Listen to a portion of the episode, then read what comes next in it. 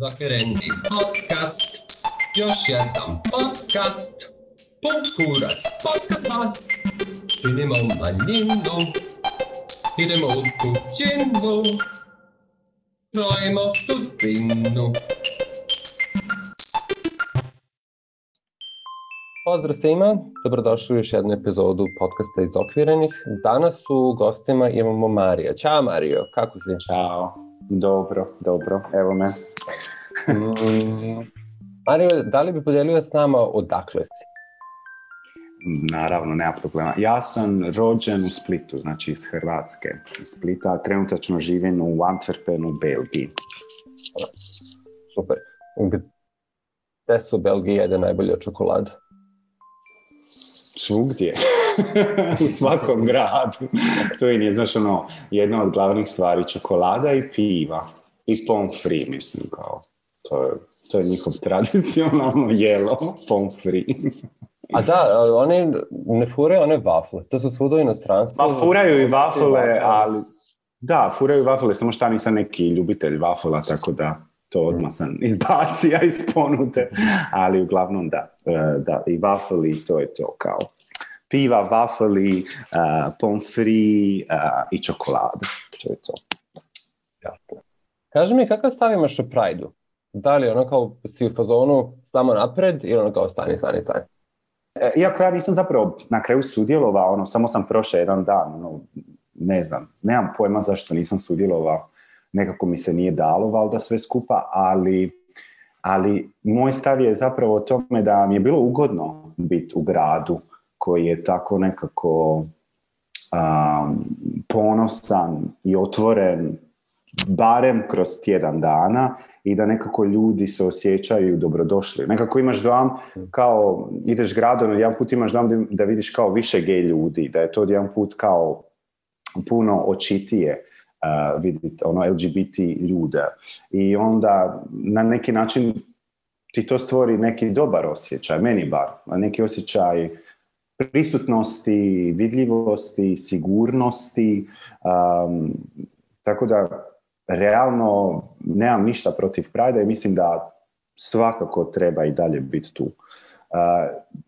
Naravno, ovisi nekim ljudima služi za nešto, nekim ljudima služi za nešto drugo, ali na kraju to nije uopće poanta e, osobne, osobne ideje Prajda, nego više nekakva globalna ideja čemu služi. Tako da na kraju vidljivost, vidljivost LGBT ljudi u zapadnim zemljama, a pogotovo ono, u našoj regiji. A, e, a Nisi za četiri zida. Apsolutno ne za četiri zida. Ja sam ono outside, ono, ko George Michael. Let's go outside. Ne, ta četiri zida su ono, zapravo grozan jedan koncept sve skupa, tako da... Mm. I da ti citiram tvoju su narodnicu Josipu zašto smo sada toliko daleko?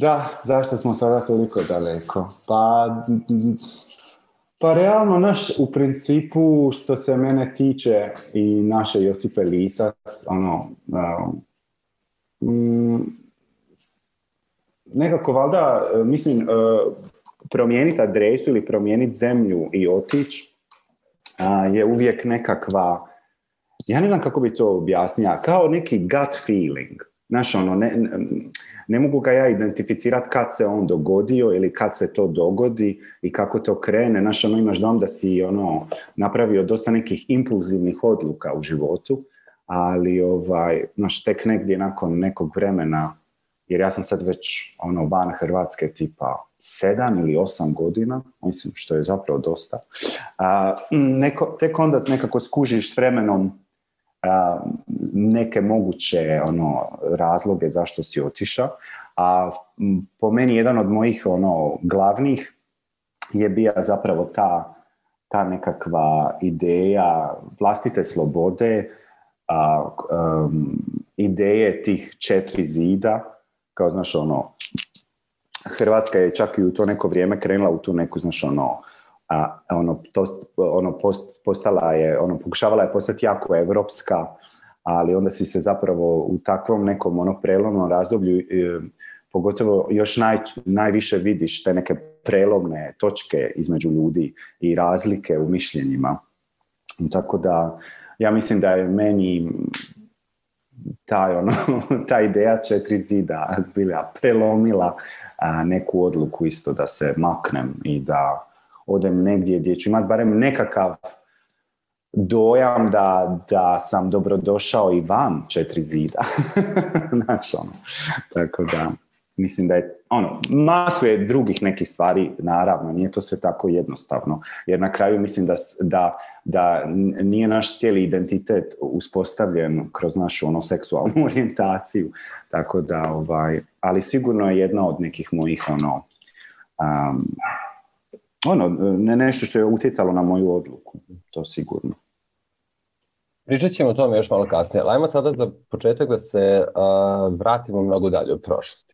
Mhm. Pričaj nam o odrastanju i spoznaji svoje seksualnosti kroz prostor i kroz vreme. Kako je to mm tebe? Daj nam neku da, to... vremensku liniju.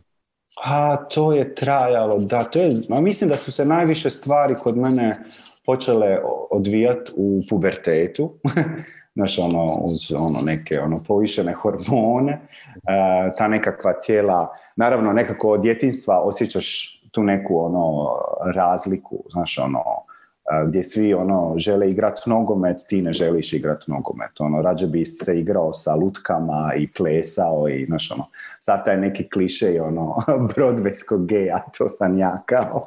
Znaš ono, sve, sve te neke stvari su već od malena bile kod mene jako ono prisutne i taj nekakav sukob isto s okolinom u smislu da jednostavno ne, ne, nisi kao normalan dečko, jel?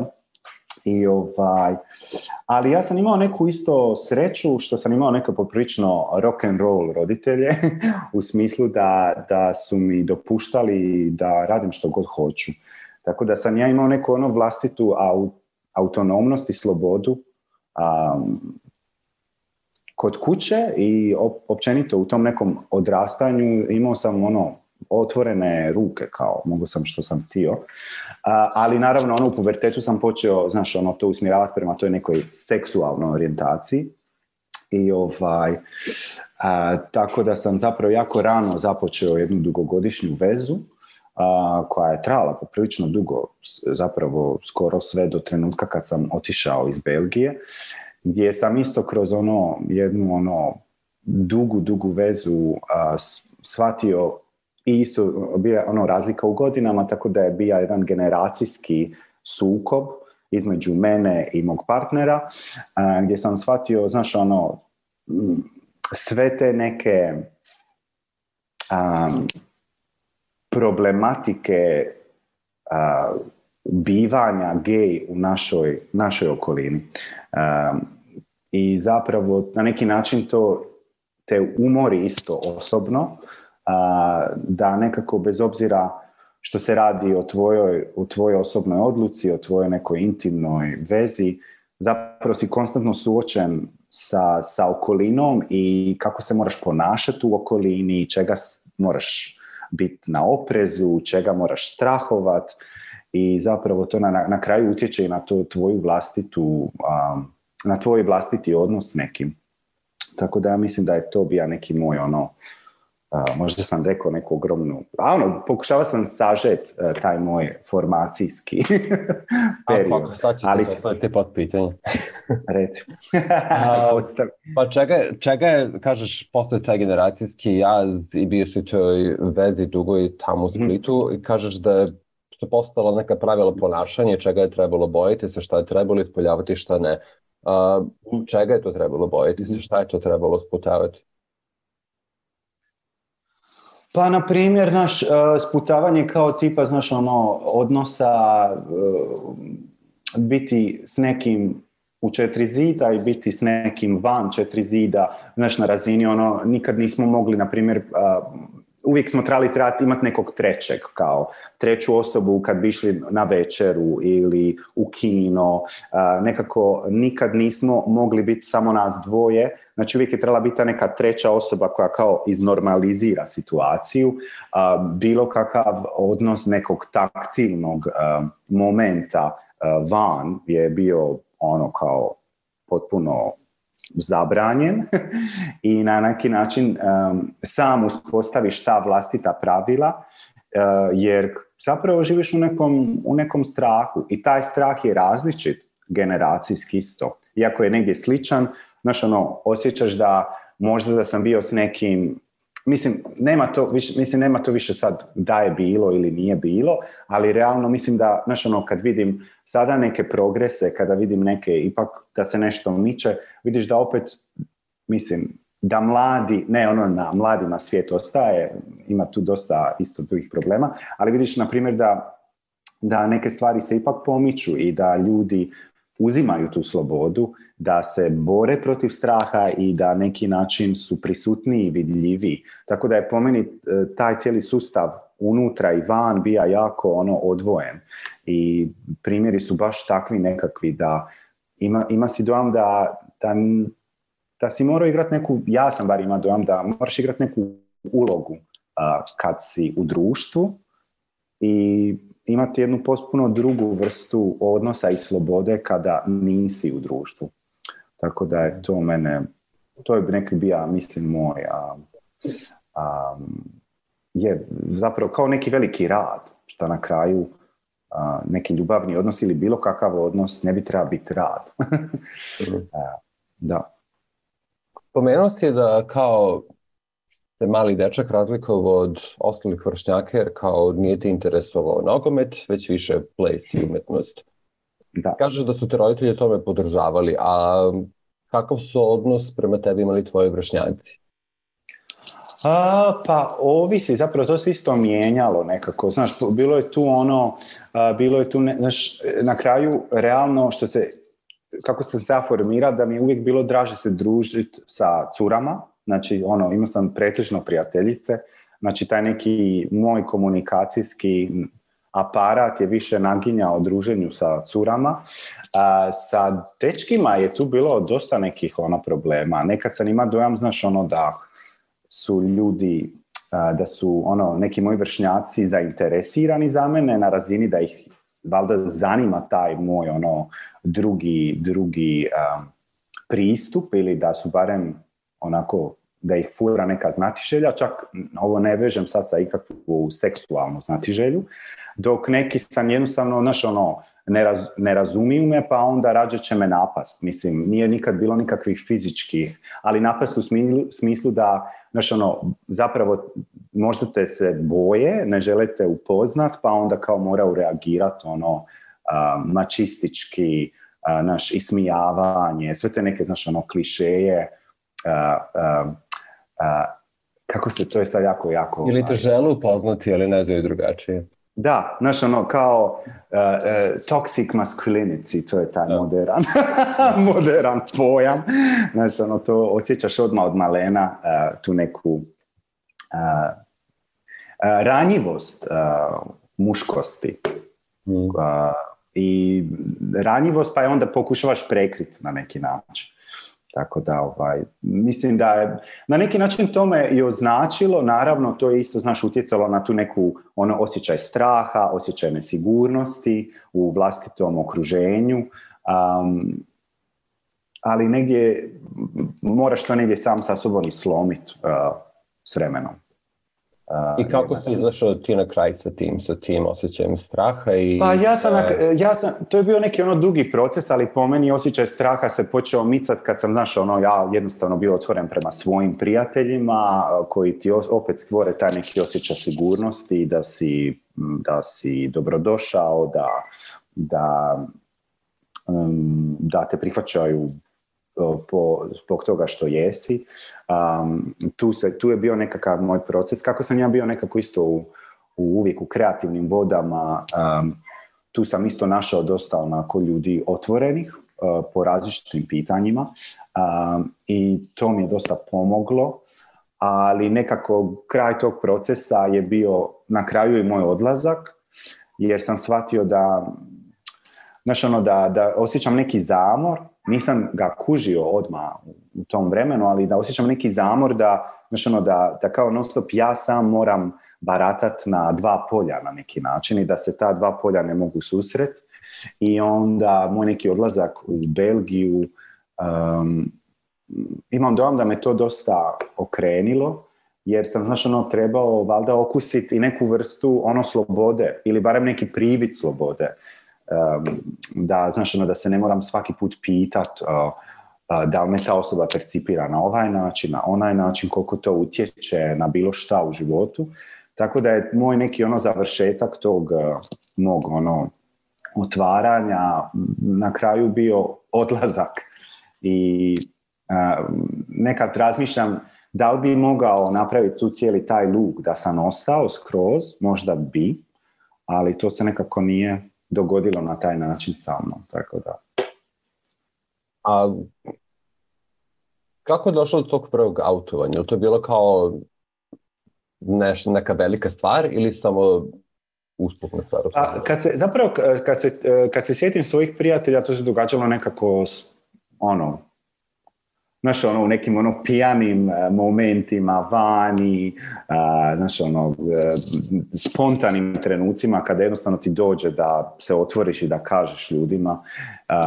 a što se tiče moje familije, to se dogodilo zapravo kad sam otišao u Belgiju, tako da mi je trebalo neko vrijeme zapravo taj neki ono, da se otvorim prema baš vlastitoj familiji i ja mogu reći da sam ja imao neku sreću u tome isto, jer ono, zapravo sam sautovao svojoj mami i uh, zapravo je to bio nekakav tužan i sladak moment jer ona je, znaš ono, ja sam toliko se napucao tim emocijama, ne znam, sad ću prevaliti ne znam kakvu, ono, planinu, a ona je zapravo strahovala da će on reći, ne znam, da sam bolestan ili da sam...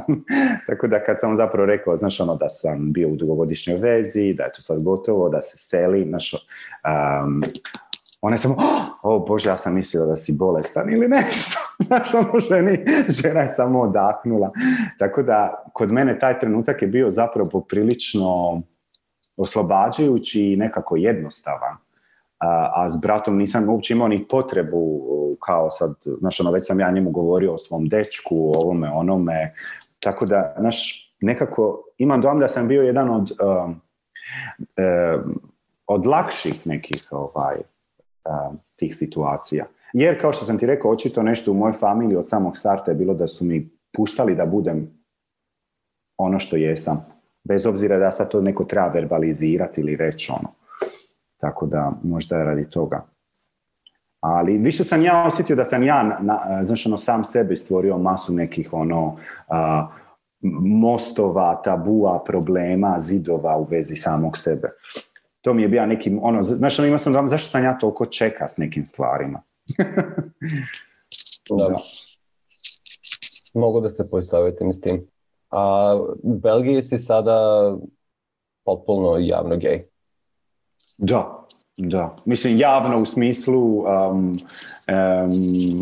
mislim, ne znam sad, javno, nisam ja nikad bio neki egzibicionist u smislu da, znaš, ono, svaki dan idem sa perjem i, ne znam, ono, radim... Da, ali ne razmišljaš o tome kad upoznaješ nove ljude? Ne, kad, kad upoznajem nove ljude nemam nikakav, znaš, ono, nema nikakve zadrške, nema nikakvog, nema nikakvog...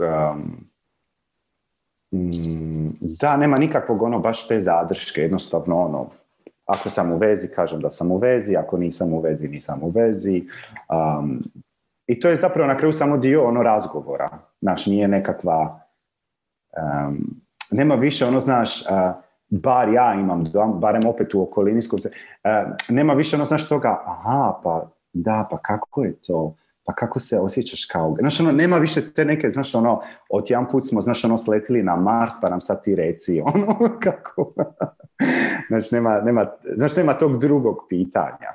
Mm. Tako da, moram reći da mi to paše, jer mislim, e, mislim, ipak živimo u 21. stoljeću, kao... drago mi je. A osim te dobrodošli i slobode koje si dobio odlaskom u Belgiju, da li si još na neki način promenio kvalitet svog života? Pa jesam. E, znaš što ono, realno...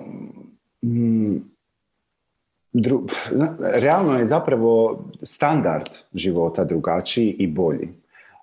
Um, ono, dalje imam neke kontakte naravno sa svojim prijateljima u Hrvatskoj i ono, neka, ono nekakav, nekakva, znaš, ono, kvaliteta života je sasvim drugačija. Tako da je moj ono, imam dojam da je lakše biti samostalan vani.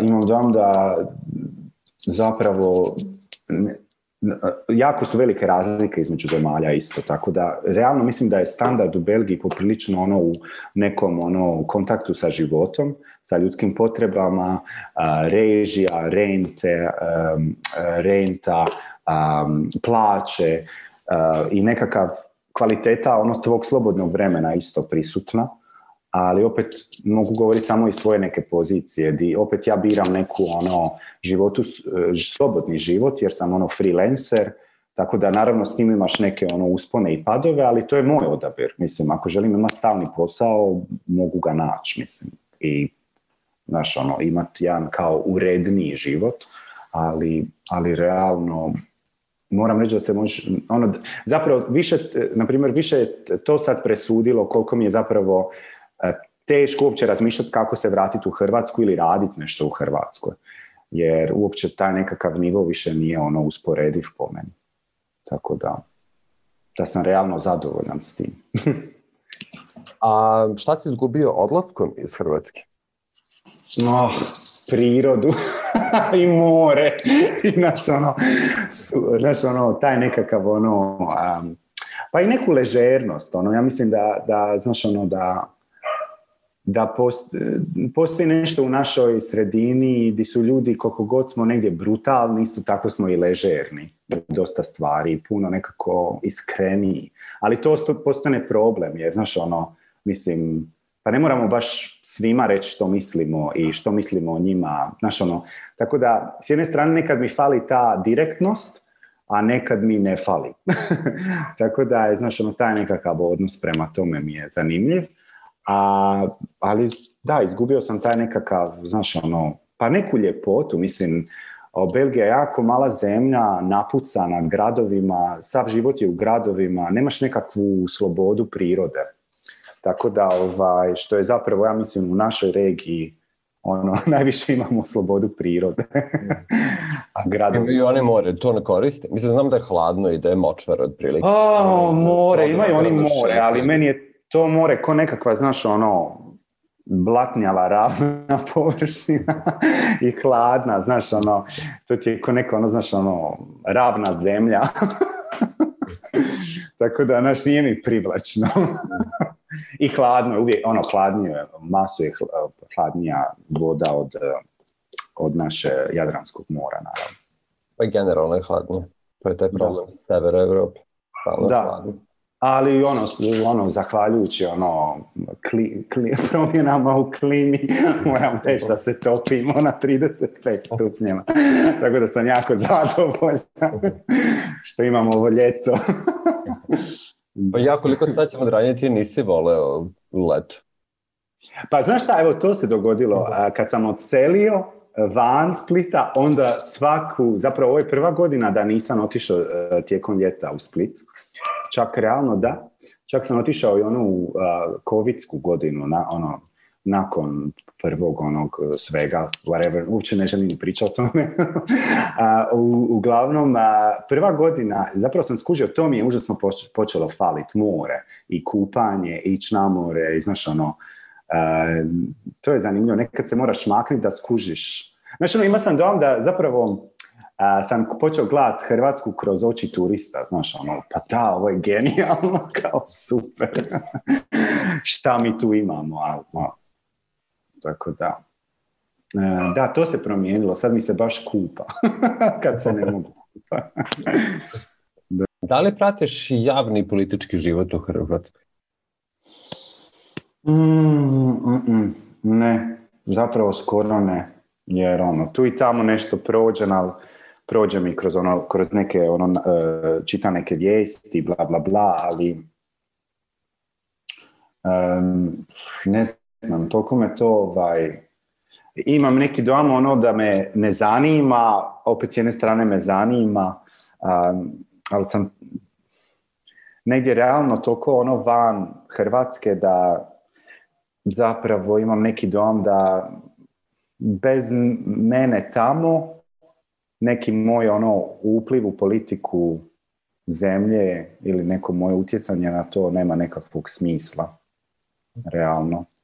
Tako da, znaš, ono, vidim da se neke stvari mijenjaju, pa se ne mijenjaju, a, tako da, ono, više nekako, Naš e, neki upliv u politiku imam kroz prijatelje, kroz njihove osobne živote, ono, kako im život teče, pitanje slobode, pitanje plaće, pitanje životnog standarda. Tako da kroz to kužim, e, kužim neku ono situaciju. A koliko pratiš queer scenu i aktivizam? U Hrvatskoj? Da. Pa kroz nekakve profile ovaj, na Instagramu, neke ljude koji organiziraju stvari u Splitu pratim, da. To da, da. Vidim da ono, imaju nekakve, događaju se neke fora stvari, ono, koji su nekako iznikle iz alternativnog splita. mm znači, neka mjesta koja su prije bila ono, na neki način alternativna, alternativni koncerti, da, dosta alternativa od nekog mainstreama koji je ono, prisutan u našoj regiji općenito, su sad počele, znaš, ono, eh, organizacije, udruge, queer udruge u Splitu koristiti njihove prostore, te iste prostore i onda vidim da se događaju nekakve zanimljive stvari, što je super. To je samo onako, samo što zapravo realno isto kužiš da je, znaš, ono, to nekakav, ono i dalje neki marginalni Ehm, ono na marginama eh, grada, to je nekakav događaj. Tako mhm. da, ovaj, ali super je da se miču neke stvari, polako, ono. Iako mislim da je i Pride postao bolji. Sad, znaš, ono, postaje prisutniji u Splitu, a, ali, znaš, ono, uvijek me ta nekako, kako nisam tamo, znaš, ono, imaš dojam opet eh, medija koji to prenosi, a, znaš, ono, na neki način sam, nekad imaš dojam da je sad sve nekako lijepo, sve super, a, znaš, ono, slike su fantastične, bio je sunčan dan, ono, manje je policije, znaš, kao, i onda, znaš, naravno, ako pročitaš, kužiš, ono, da, da, e, da se ljudi u Prajdu, u tim udrugama e, bore za neke jako bitne stvari. Tako da, ovaj, Znaš, ono, uvijek je taj nekakav, znaš, ono, slika i kontekst su malo onako mm. na dvi... Pa da, to kao ovdje kad organizuju Pride u Beogradu, onda kao sve to u medijima izgleda kao, a, Beograd ima Pride, i opet sve kao što kažeš, te jarke boje i sve to mislim mm. super, ali niko ne mhm. pokaže one tenkove u okružnim ulicama koje nas čuvaju. Da, kužiš. Znači, on imaš tu neku ono selekciju čega, toga što je prezentirano, Um, tako da naš, ono, imamo, naš ne mogu prema tome suditi koliko je nešto uspjelo ili koliko je nešto ovaj, um, ide prema boljem. Jel? Ali ono što ja pratim vidim da, znači ono, da se neka vidljivost e, LGBT ljudi, ono, barem u mom gradu, u Splitu, kroz različite udruge pokušava, znaš, ono, uspostaviti e, ono kroz, kroz umjetnost, kroz performativne neke stvari i to mi je zapravo super za vidit. A sad se malo vratimo ponovno u Belgiju, da odbrnemo mhm. stvari. A, koliko je izražen tvoj hrvatski ili balkanski, eks jugoslovenski, kako god hoćeš, identitet tamo? Mm. A, pa zapravo, realno, nemam pojma, zato što e, imao sam ja, na primjer, prvo neki otpor. Kad sam tek došao, imao sam zapravo otpor, to sam skužio. Znači, no, svak, svugdje gdje bi čuo naš jezik, bi ja on bio ništa. Kao, ne želim se identificirati ono, na nikakav način. To je očito bio nekakav moj otpor. tako da nisam imao tu neku priču, ono, znaš, te, ono, Uh, imao sam dojam kao više da se želi integri, integrirati u društvo, nego znaš ono stvoriti neku vlastitu grupu unutar tog društva, što se jako često isto događa u ono zapadnim zemljama. Znaš ono to neku ideju geta s ljudima. tako da jedno vrijeme sam zapravo na neki način se opirao tom nekom klasifikaciji ili identitetu ono čovjeka s Balkana ili iz Hrvatske or whatever. Um, ali naravno u nekim razgovorima uh, moraš se nekako izjasniti, identificirati. Tako da s vremenom sam na kraju postao ja onako općenito pa ne znam, nekako nas, shvatio sam nekakve pluseve uh, svoje, svog identiteta. A s jedne strane sam u nekoj uh, isto ok poziciji jer zapravo izgledam poprilično evropski. Mislim, ljudi najčešće misle da sam odavde. Mislim. Spomenuli si te neke plustave uh, mm-hmm. ovih teritorija. Šta bi to bilo?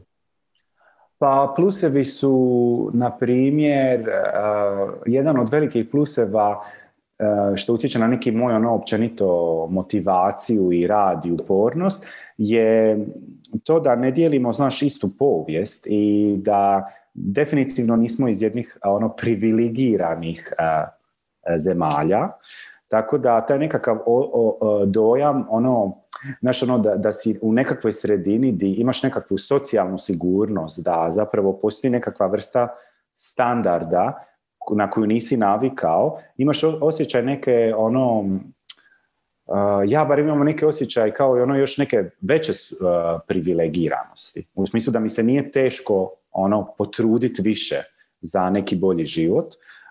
to mislim da je ono prva, prva stvar koju sam osjetio nakon nekog vremena. Znači ono da vidim, nekad vidim, susretnem, susretnem se nekad s ljudima koji se žale oko nekih gluposti, realno.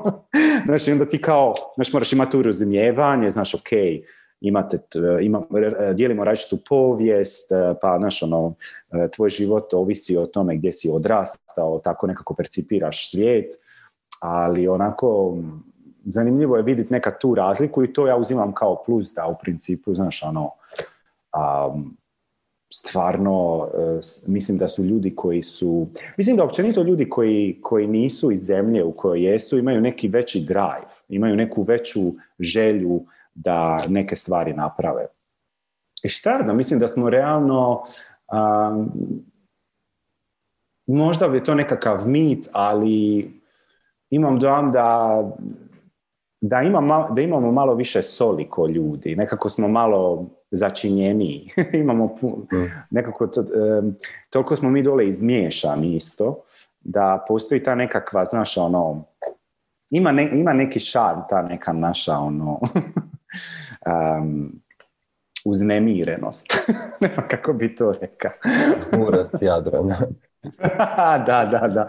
Buras Jadrana. Uh, E, tako da je to nekako simpatično i zapravo na kraju uvijek, znaš, ono, to isto otvori neke zanimljive razgovore jer ljude zanima odakle si, kakav je tvoj život, znaš, ono, a, prije nego što si došao, a, postoji ta nekakva znatiželja, ako trenutačno ono, jedno od glavnih stvari je zapravo ono što se sad percipira što se tiče Hrvatske, znaš ta naša obala, turizam, znaš ono, raj na zemlji, pa onda ljudi nekad budu malo zbunjeni, kao pa šta ja radim tu kao ovom civilu u hladnom moru, znaš ono, ali da, vide samo tu jednu sliku Hrvatske trenutačno, koja je, znaš ono, totalni ono, turizam.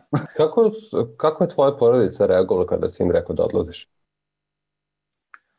Pa realno, zapravo su ono bili svi puni podrške. Mislim, e, e, čak i prijatelji i moje ono porodica isto nekako su bili ono kao pa idi pa vidi, kao, znaš ono, uvijek se možeš vratiti. Znaš, evo, to je bio taj nekakav realni, nije bilo tu nekog velikog, um, znaš, nije bilo tu neke velike drame, baš je bilo ono kao u principu idi pa vidi, uvijek se možeš vratiti, znaš di smo, znaš ono, nije bilo, moram reći da je to bilo sasvim super i nekako osjetio sam neku podršku zapravo.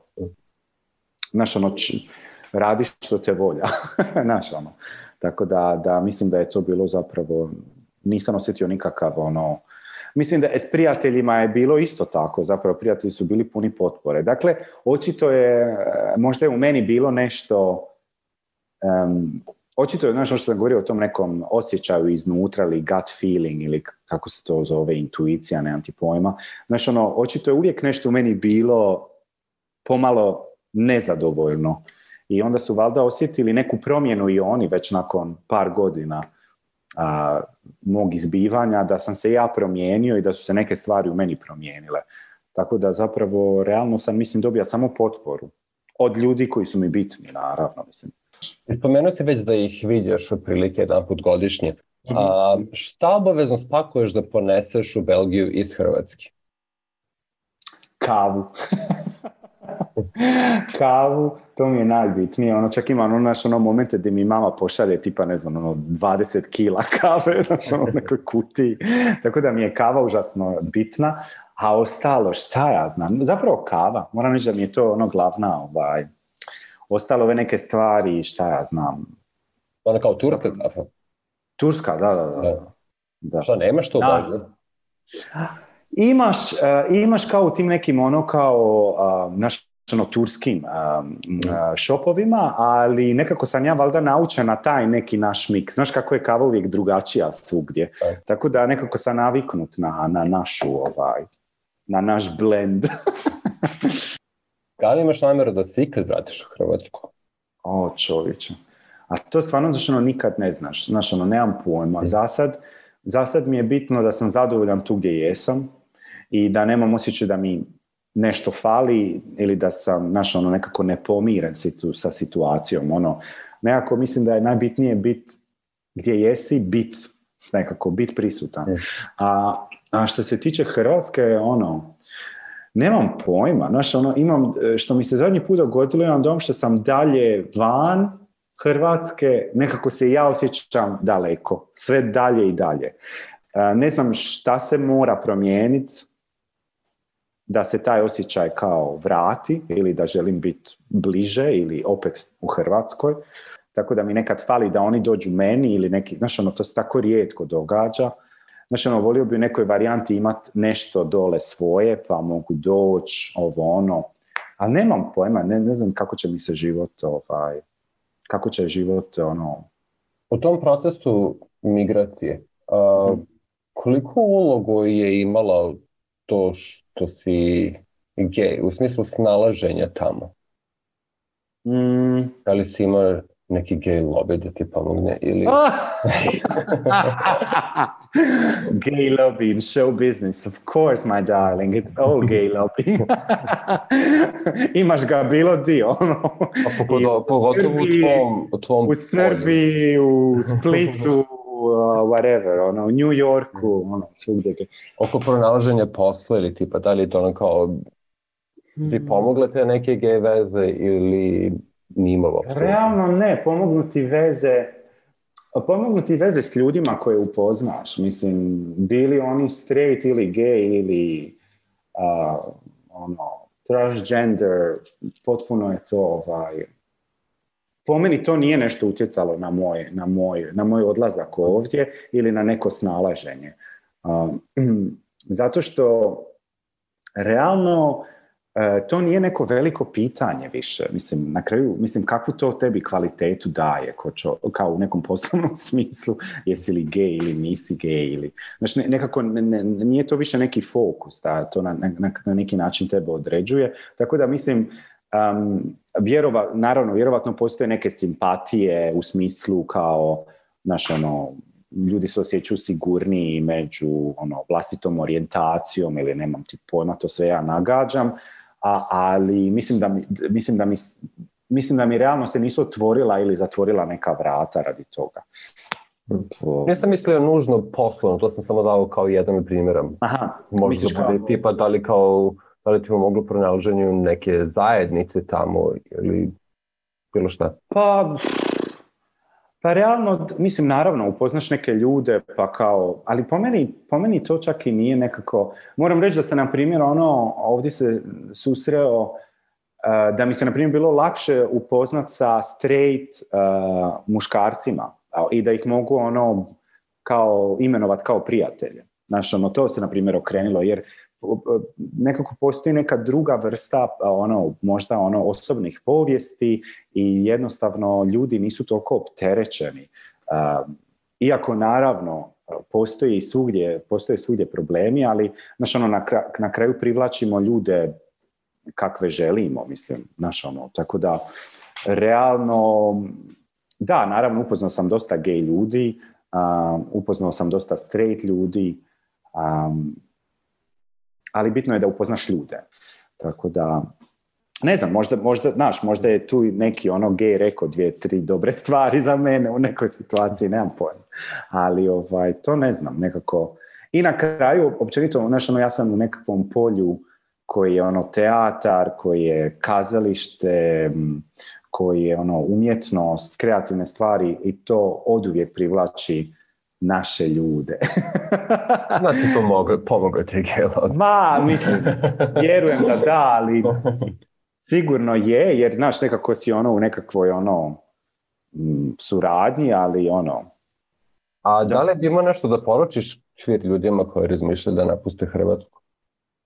Ja sam uvijek za to da treba pokušat e, u, u, učiniti svoj život kvalitetnijim. Znaš, ono, ako smatraš da tamo gdje jesi nešto te, kako bi to rekao, nešto te koči, nekako ne možeš osjetiti se svojim, slobodnim, uh, trudiš se, ali ne ide, konstantno se, ono, znaš, ono, možda realno, znaš, ono, recimo ovako, ono, ako unutar tjedna se, ono, tri puta i oko, ono, ljudi koji su ti nebitni, a koji na neki način žele biti bitni u tvom životu ili nekakve situacije i kao nikako to ne možeš promijeniti, ako imaš dojam da trebaš negdje otići, da se trebaš makniti um, i učiniti nešto za sebe, da.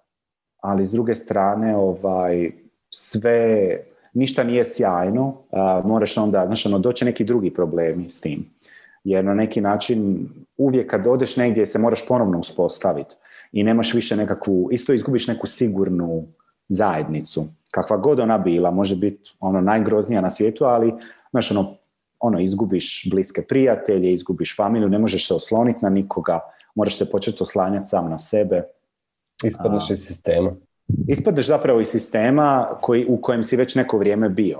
A za općenito nas kao queer ljude, uvijek ćemo mi, e, znaš, ono, uvijek ćemo, znaš, uvijek nosiš samog sebe, uvijek ćeš se, znaš, ono, uvijek ćeš se ti suočiti sa nekim svojim, ono, um, limitima, nekim stvarima koje nosiš od prije, moraš se uvijek nekako, mi se uvijek nekako moramo ekstra truditi, imam dojam, znaš, ono, kao uvijek se nekako ekstra, uvijek ti osjećaš da nisi, znaš, ono, da ne pripadaš većini, jebi ga, ono, to je, to je naša, ono, kao vječna neka, ono, borba. Da. Tako, tako da taj neki e, osjećaj, ono, uvijek ćeš negdje nositi sa sobom, da. Hvala ti, a mi se nadam se uskoro vidimo na tom toplom Jadranskom moru. Da, da, da, da, ja se isto nadam uživati ono, u prestižnom turizmu u Hrvatskoj. da. Marija možeš pronaći na Instagramu pod imenom etbelomleko, a izokvireni podcast možeš pronaći na sajtu izokvireni.com. Tamo ćeš već vidjeti linkove za naš profil na društvenim mrežama. Ako ti se dopadamo, označi to i tamo i još bolje ostavi nam recenziju na platformama na kojima nas pratiš. A u slučaju da želiš da budeš naš gost ili znaš neko ko bi to mogao ili trebalo da bude, piši nam na email adresu izokvireni at gmail.com. Čujemo se uskoro!